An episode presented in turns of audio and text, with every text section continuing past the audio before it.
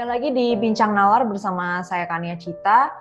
Di sini uh, kita akan membahas mengenai isu rokok ya, di mana tentunya kita sama-sama tahu ada bahaya dari rokok, baik itu terhadap penggunanya maupun orang-orang di sekitar uh, pengguna rokok ya kan. Nah, uh, salah satu dampak buruk yang kemudian ditimbulkan dari rokok terhadap orang-orang yang uh, mengkonsumsi itu adalah kecanduan ya kan atau adiksi terhadap rokok sehingga orang mau mengurangi atau mau berhenti itu susah. Akhirnya harus terus mengkonsumsi sementara eh, ada dampak-dampak buruk dari rokok yang harus dikurangi kalau bisa bahkan dihilangkan gitu kan. Nah, masalah inilah yang kemudian uh, dipikirkan oleh banyak orang bagaimana sih sebenarnya alternatif solusi atau langkah-langkah yang bisa dilakukan untuk mengurangi dampak-dampak buruk yang terjadi.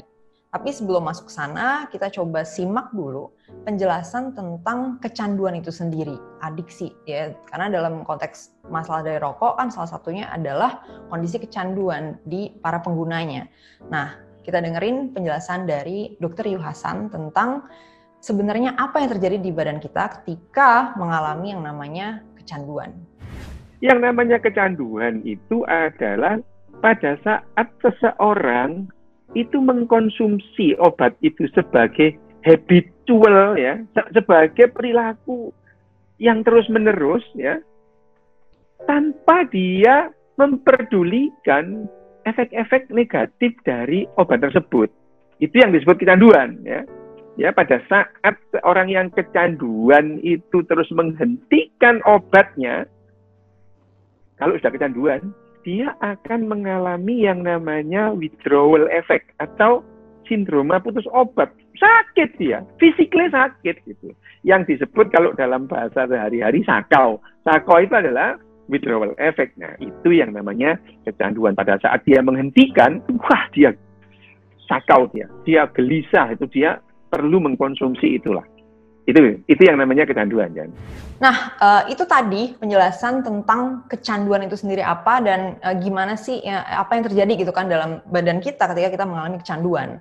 Salah satu uh, gerakan yang kemudian mencoba untuk uh, melakukan upaya-upaya tobacco harm reduction atau pengurangan bahaya-bahaya dari rokok itu adalah ada kabar ya koalisi Indonesia Bebas Star. Di sini udah ada Mas Aryo ketua kabar ya Mas Aryo. Hai. Ya. Halo. Nah, sekaligus juga di sini ada satu lagi narasumber adalah Dr. Shoim. Halo, Dr. Shoim. Halo. Menyapa audiens dulu. Oke. Okay. Ya, ya. ya. Nah, uh, saya akan mulai dari Mas Aryo dulu ya. Mungkin bisa sharing tentang uh, tobacco harm reduction sendiri. Konsepnya apakah mau melawan bagian adiksi atau kecanduan dari rokok atau mau melawan dampak-dampak dari aktivitas rokok. Nah, mungkin bisa dijelaskan juga nih di sini sekalian, uh, Mas Aryo, apa nih yang mau dijawab gitu ya dengan gerakan kabar ini? Oke, okay. Uh, eh, ya. adiksi itu banyak banget ya di dalam kehidupan kita, kita banyak uh, dan kita nggak sadar gitu. Sampai misalnya ya. uh, kita orang Indonesia kebanyakan adiksi terhadap nasi uh, atau misalnya gula, garam, atau misalnya MSG itu banyak banget kita uh, berhubungan dengan adiksi. Uh, tidak semuanya berdampak buruk dan termasuk juga adiksi terhadap nikotin yang ada uh, di dalam rokok.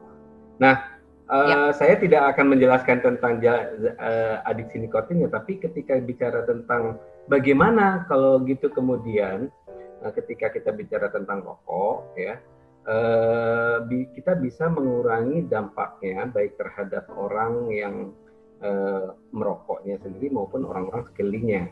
Nah, ini kan berbagai macam cara nih, sudah puluhan tahun eh, pemerintah itu mencoba untuk mengurangi dampak eh, terhadap eh, penggunaan tembakau ya, rokok ini. Nah, tapi belum se, belum mencapai titik yang kita harapkan.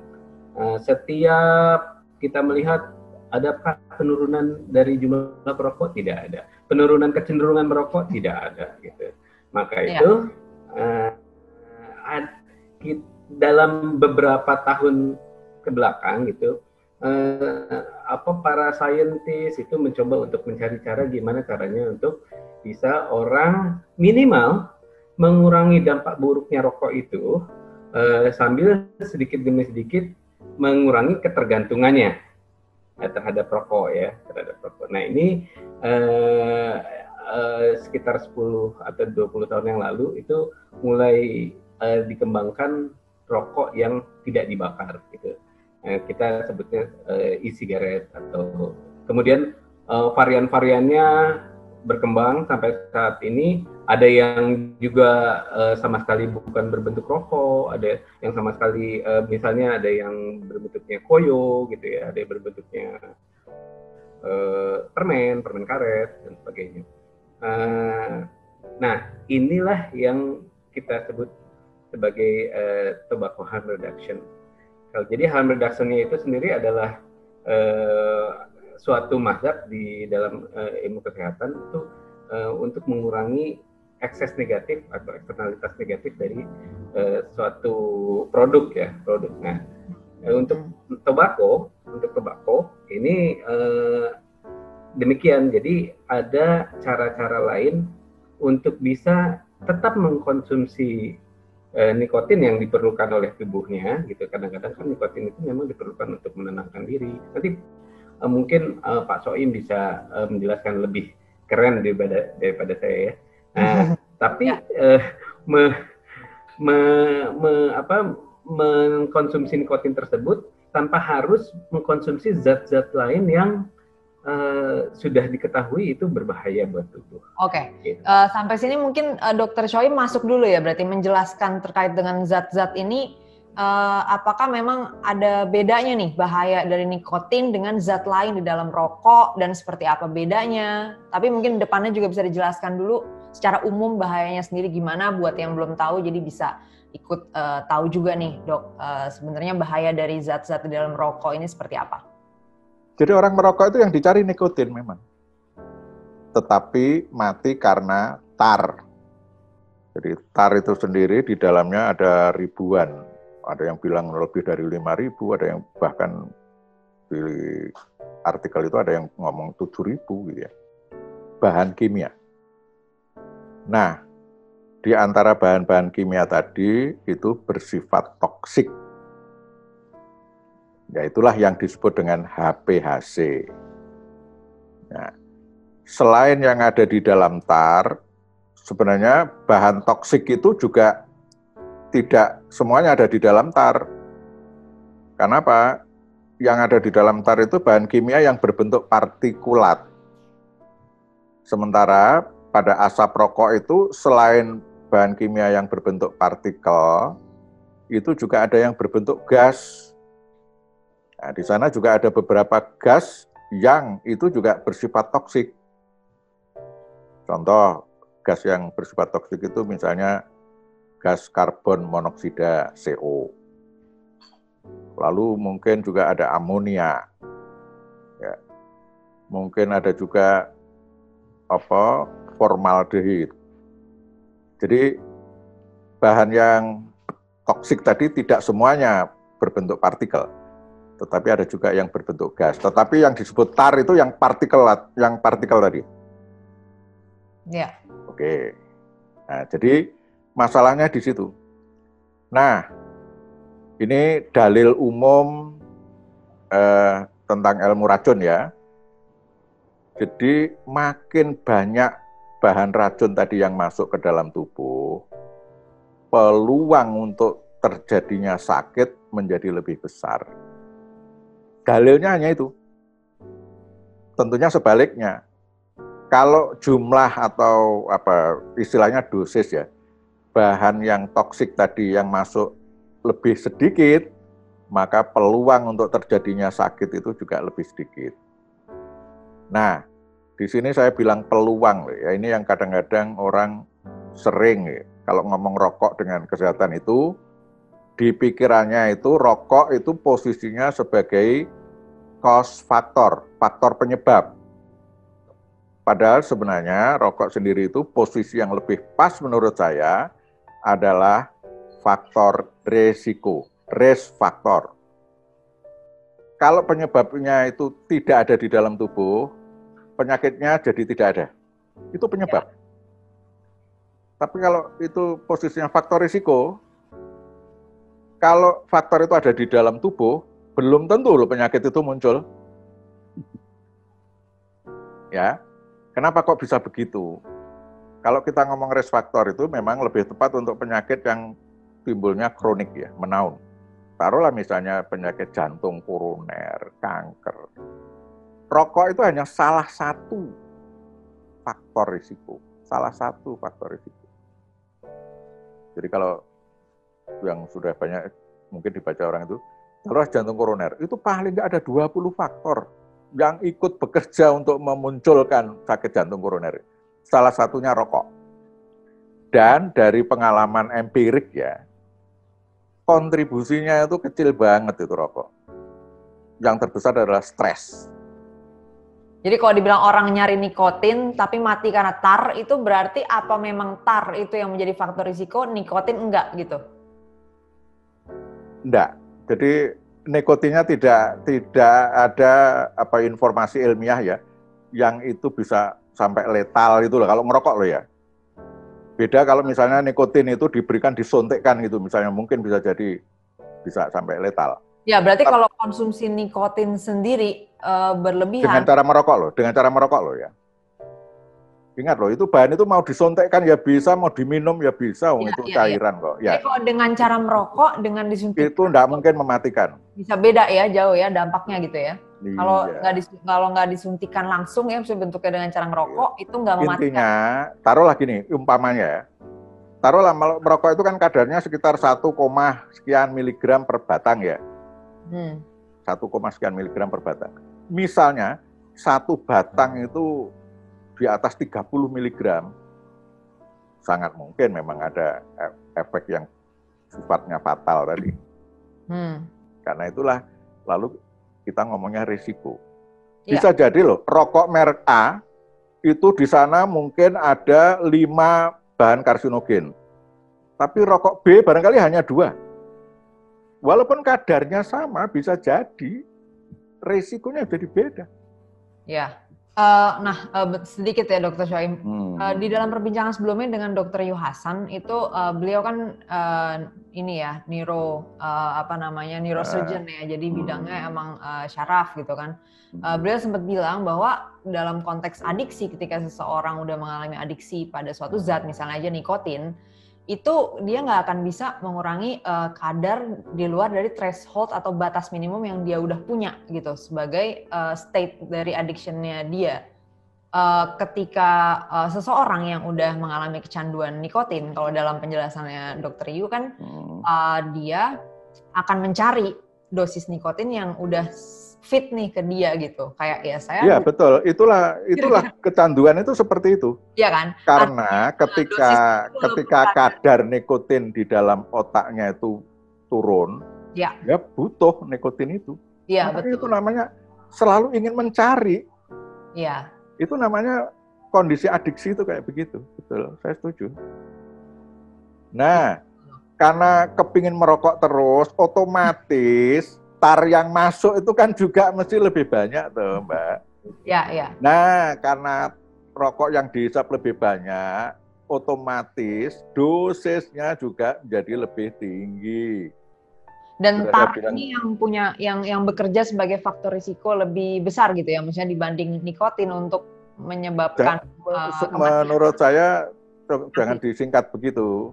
Di ya, ya. dalam ya. tar itulah ada HPHC ya. gitu loh. Ya, nah, ya. HPHC itulah yang bertanggung jawab terhadap timbulnya penyakit-penyakit tadi. Ya, betul. Tetapi HPHC itu tidak saja hanya ada di dalam tar, tetapi juga di yang dalam lainnya. gas, dalam bentuk gas. Yang dalam bentuk tar itu dalam bentuk partikulat. Ya, ya, gitu aja. Ya, ya.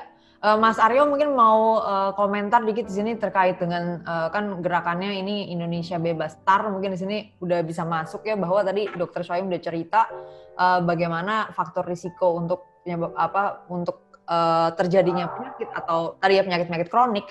Itu lebih banyak di dalam uh, tar dalam bentuk tadi uh, HP apa sih? Ya. HPHC ya HPHC itu. Uh, ya harap-harap cemas. Bisa komentar apakah apakah dari koalisi Indonesia Bebas Tar ini uh, apa nih langkah langkah-langkah nah. atau ya, alternatif ya, ya apa yang digerakkan nih untuk bisa didorong ke masyarakat, terutama mungkin konsumen rokok gitu ya, dan mungkin juga uh, kalau misalnya di ruang publik nggak tahu ada aturan-aturan yang mungkin perlu didorong juga gitu ke pembuat kebijakan, boleh juga uh, silakan aja di share uh, Mario. Uh, ger uh, gerakan ini basisnya ada tiga ya. Yang pertama itu bahwa kita harus uh, berbasis is, uh, riset atau ilmu pengetahuan. Jadi keterangan-keterangan uh, semua dari dokter Rio, dari dokter Soim, dokter-dokter yang lainnya itu menjadi basis kita untuk mem, uh, apa mendesain gerakan gerakan ini. Misalnya seperti ini. Uh, kenapa sih yang dipilih atau yang menjadi yang kita dorong itu adalah misalnya eh, rokok elektrik atau tembakau yang dipanaskan gitu ya. Karena memang based on research, ya masalahnya ini kita belum ngomong riset dalam negeri kita ya, based on research, eh, orang itu lebih efektif untuk bisa beralih sehingga nanti konsumsinya juga berkurang, konsumsi untuk zat-zat yang berbahayanya berkurang itu melalui tadi rokok elektrik atau e, tembakau yang dipanaskan. Kenapa? Dalam penelitian tersebut dibilang orang masih membutuhkan adanya tadi kecanduan. Kecanduan itu nggak cuman nggak cuman e, artinya dirinya ingin e, rokok saja, tapi juga merokok. Jadi hand to mouth-nya itu ada. Ya. Hand to mouth itu ada. Jadi ada ada gerakan hand to mouth itu. Ternyata mereka butuh nikotin, tapi mereka juga butuh cara untuk memasukkan nikotin ini ke dalam tubuh. Ya. Ada hangat-hangatnya, ada apanya itu mungkin. Nah, nah, oke, okay, itu satu. Jadi kita berbasis uh, riset atau pengetahuan. Yang kedua itu tidak ada stigma. Nah, jadi artinya ketika kita bicara tentang orang yang uh, apa kecanduan rokok, ya nggak apa-apa, memang silakan aja itu kan hak asasi mereka ya tapi ketika mereka ingin berhenti, kita harus provide apa yang uh, bisa membuat kamu berhenti atau apa yang bisa mengurangi resiko untukmu. Itu harus dibuka oleh uh, semua pihak, oleh pemerintah terutama ya. Jadi ketika ini memang barang ini adalah bagus, nah nanti hubungannya sama uh, peraturan perundang-undangan, maka ya udah eh, dideklar aja ini memang resikonya lebih rendah dibandingkan rokok. Kalau kamu merasa bahwa kamu uh, ingin berhenti merokok, coba aja uh, apa produk-produk alternatif seperti ini. Nah, memang uh, yang ketiga, yang tadi juga ada, ada hubungannya itu penghormatan terhadap hamnya. Ham jadi orang orang uh, dalam bidang kesehatan ini ada dua yang uh, haknya dia, hak asasinya dia yaitu hak atas informasi uh, ilmiahnya yang kedua, hak atas uh, tools. Jadi di dalam Ottawa Charter tuh dibilang kalau misalnya lu pengen lebih sehat dan ternyata ada alat-alat uh, untuk bisa membuat lu lebih sehat, maka lu berhak untuk uh, mengakses alat-alat tersebut.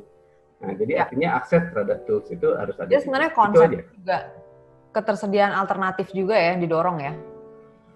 Betul, betul. Uh, jadi itu itu kompleks artinya ketersediaan itu kan nggak mungkin jadi uh, pemerintah menyediakan oke okay, buat para perokok silakan ini ada barang-barang yang bisa kalian gunakan enggak tapi kan ada mekanisme pasar di situ ya ada nah ini yang mungkin menjadikan uh, apa uh, pembahasan tobacco harm reduction ini menarik karena apa melibatkan juga pasar gimana caranya pasar ini bisa kondusif untuk bisa uh, memperkenalkan uh, apa alat-alat atau barang-barang yang bisa uh, mereduce harm tersebut gitu. Uh, misalnya uh, dengan cara uh, insentif uh, dalam bidang cukai. Jadi nggak mungkin dong kalau misalnya kita mau oh jadi iya aku mau mengurangi rokok tapi uh, aku mau menggunakan apa gitu ya. Nah ternyata alternatifnya tersebut lebih mahal dari rokok dan lebih nggak ekonomis ya enggak orang nggak akan beralih lah ya, tapi kalau misalnya ternyata itu bisa menjadi lebih murah which is faktornya adalah uh, ongkos produksi dan juga cukai yang dikenakan oleh pemerintah terhadap produknya ya. Exactly. Jadi ya pemerintah juga dalam hal ini mungkin bisa uh, dari sisi kebijakan pajaknya ya atau cukainya bisa diatur lebih uh, kondusif gitu ya.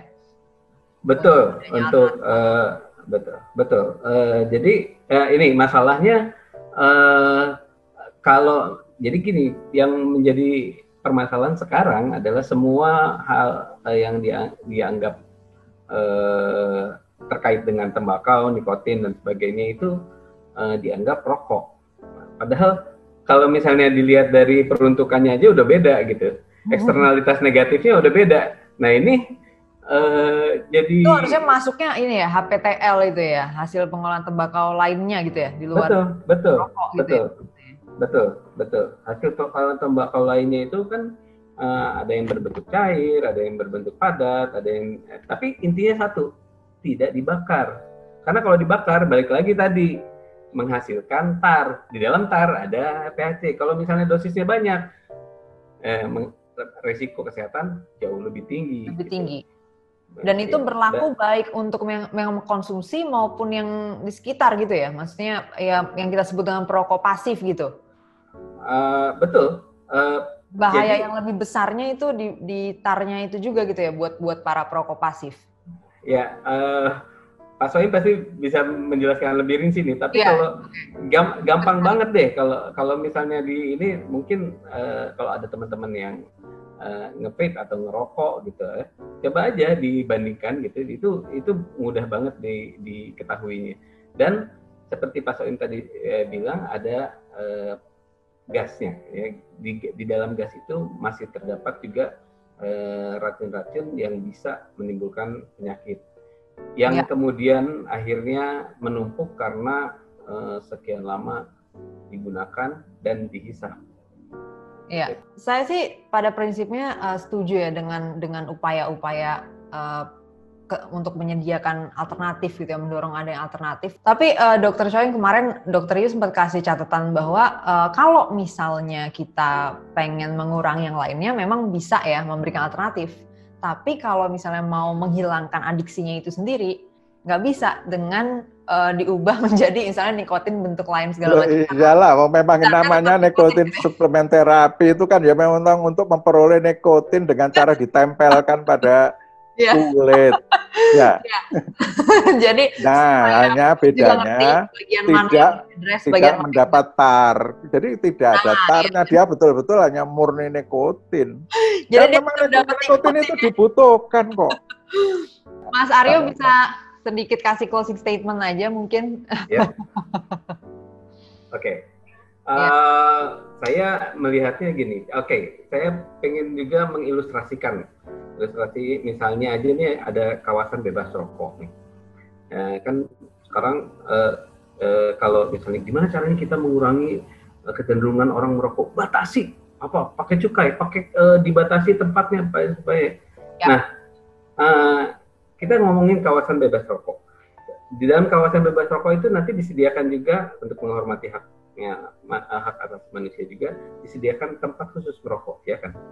Nah kalau memang ini contoh eh, gamblang mengenai penerapan tobacco harm reduction. Kalau memang eh, ini diadopsi oleh pemerintah, caranya ini, maka selain tempat khusus merokok, juga tempat untuk menghisap yang tadi eh, tembakau alternatif. Jadi bukan hanya untuk merokok. Jadi karena tadi Pak, Pak, Pak saya jadi terinspirasi karena uh, Pak Soim tadi bilang uh, kalau di dalam ruangan yang uh, penuh dengan asap rokok dengan di dalam ruangan yang penuh dengan asap tembakau alternatif atau HPPL itu beda kan dengan ini. Jadi kalau orang misalnya mau berhenti merokok ya jangan disatuin dong sama orang yang uh, apa uh, masih, masih merokok, merokok gitu ya, ya kan. Ya. Uh, ya. Ya, tapi kalau pada saat ini karena memang paradigmanya masih berpikir bahwa ya apa pun yang dihisap dan keluar itu kebul-kebul itu namanya rokok padahal itu berbeda. Yeah. Uh, ini ini yang mungkin uh, statement uh, dari saya bahwa yeah. Yeah. kita melihatnya secara berbeda maka kita mengaturnya juga harusnya secara berbeda. Iya, iya, iya. Ya sebenarnya dari semua ini tadi udah banyak ya eh, kesalahan-kesalahan paradigma atau persepsi yang ada di masyarakat maupun mungkin membuat kebijakan sendiri yang dengan adanya informasi yang lebih baik ya eh, lebih lengkap mungkin dan lain sebagainya ya mudah-mudahan langkah-langkahnya jadi bisa lebih tepat lah ya dalam menyikapi uh, masalah ini gitu ya. Uh, Oke, okay. uh, terima kasih sekali lagi uh, Mas Aryo dan Dr. Shoim uh, atas waktunya dan tadi banyak banget ya uh, ilmunya dan uh, informasi yang penting untuk dipahami sama masyarakat luas. Terutama dalam konteks ini adalah memang bagaimana kita uh, bersama-sama bisa menghadirkan adanya alternatif ya untuk orang-orang uh, yang mengkonsumsi rokok gitu kan, yang dengan di mana kita bisa mengurangi faktor risiko ya, bukan faktor penyebab hmm, dari ya. Kalau uh, itu dicankan betul. ya. Karena itu lalu gerakannya namanya harm reduction atau risk reduction itu. Oh ya. ya. Oke. Okay. Ya. Terima kasih uh, sekali lagi Dr. Soim dan Mas Aryo. Uh, kita sudahi dulu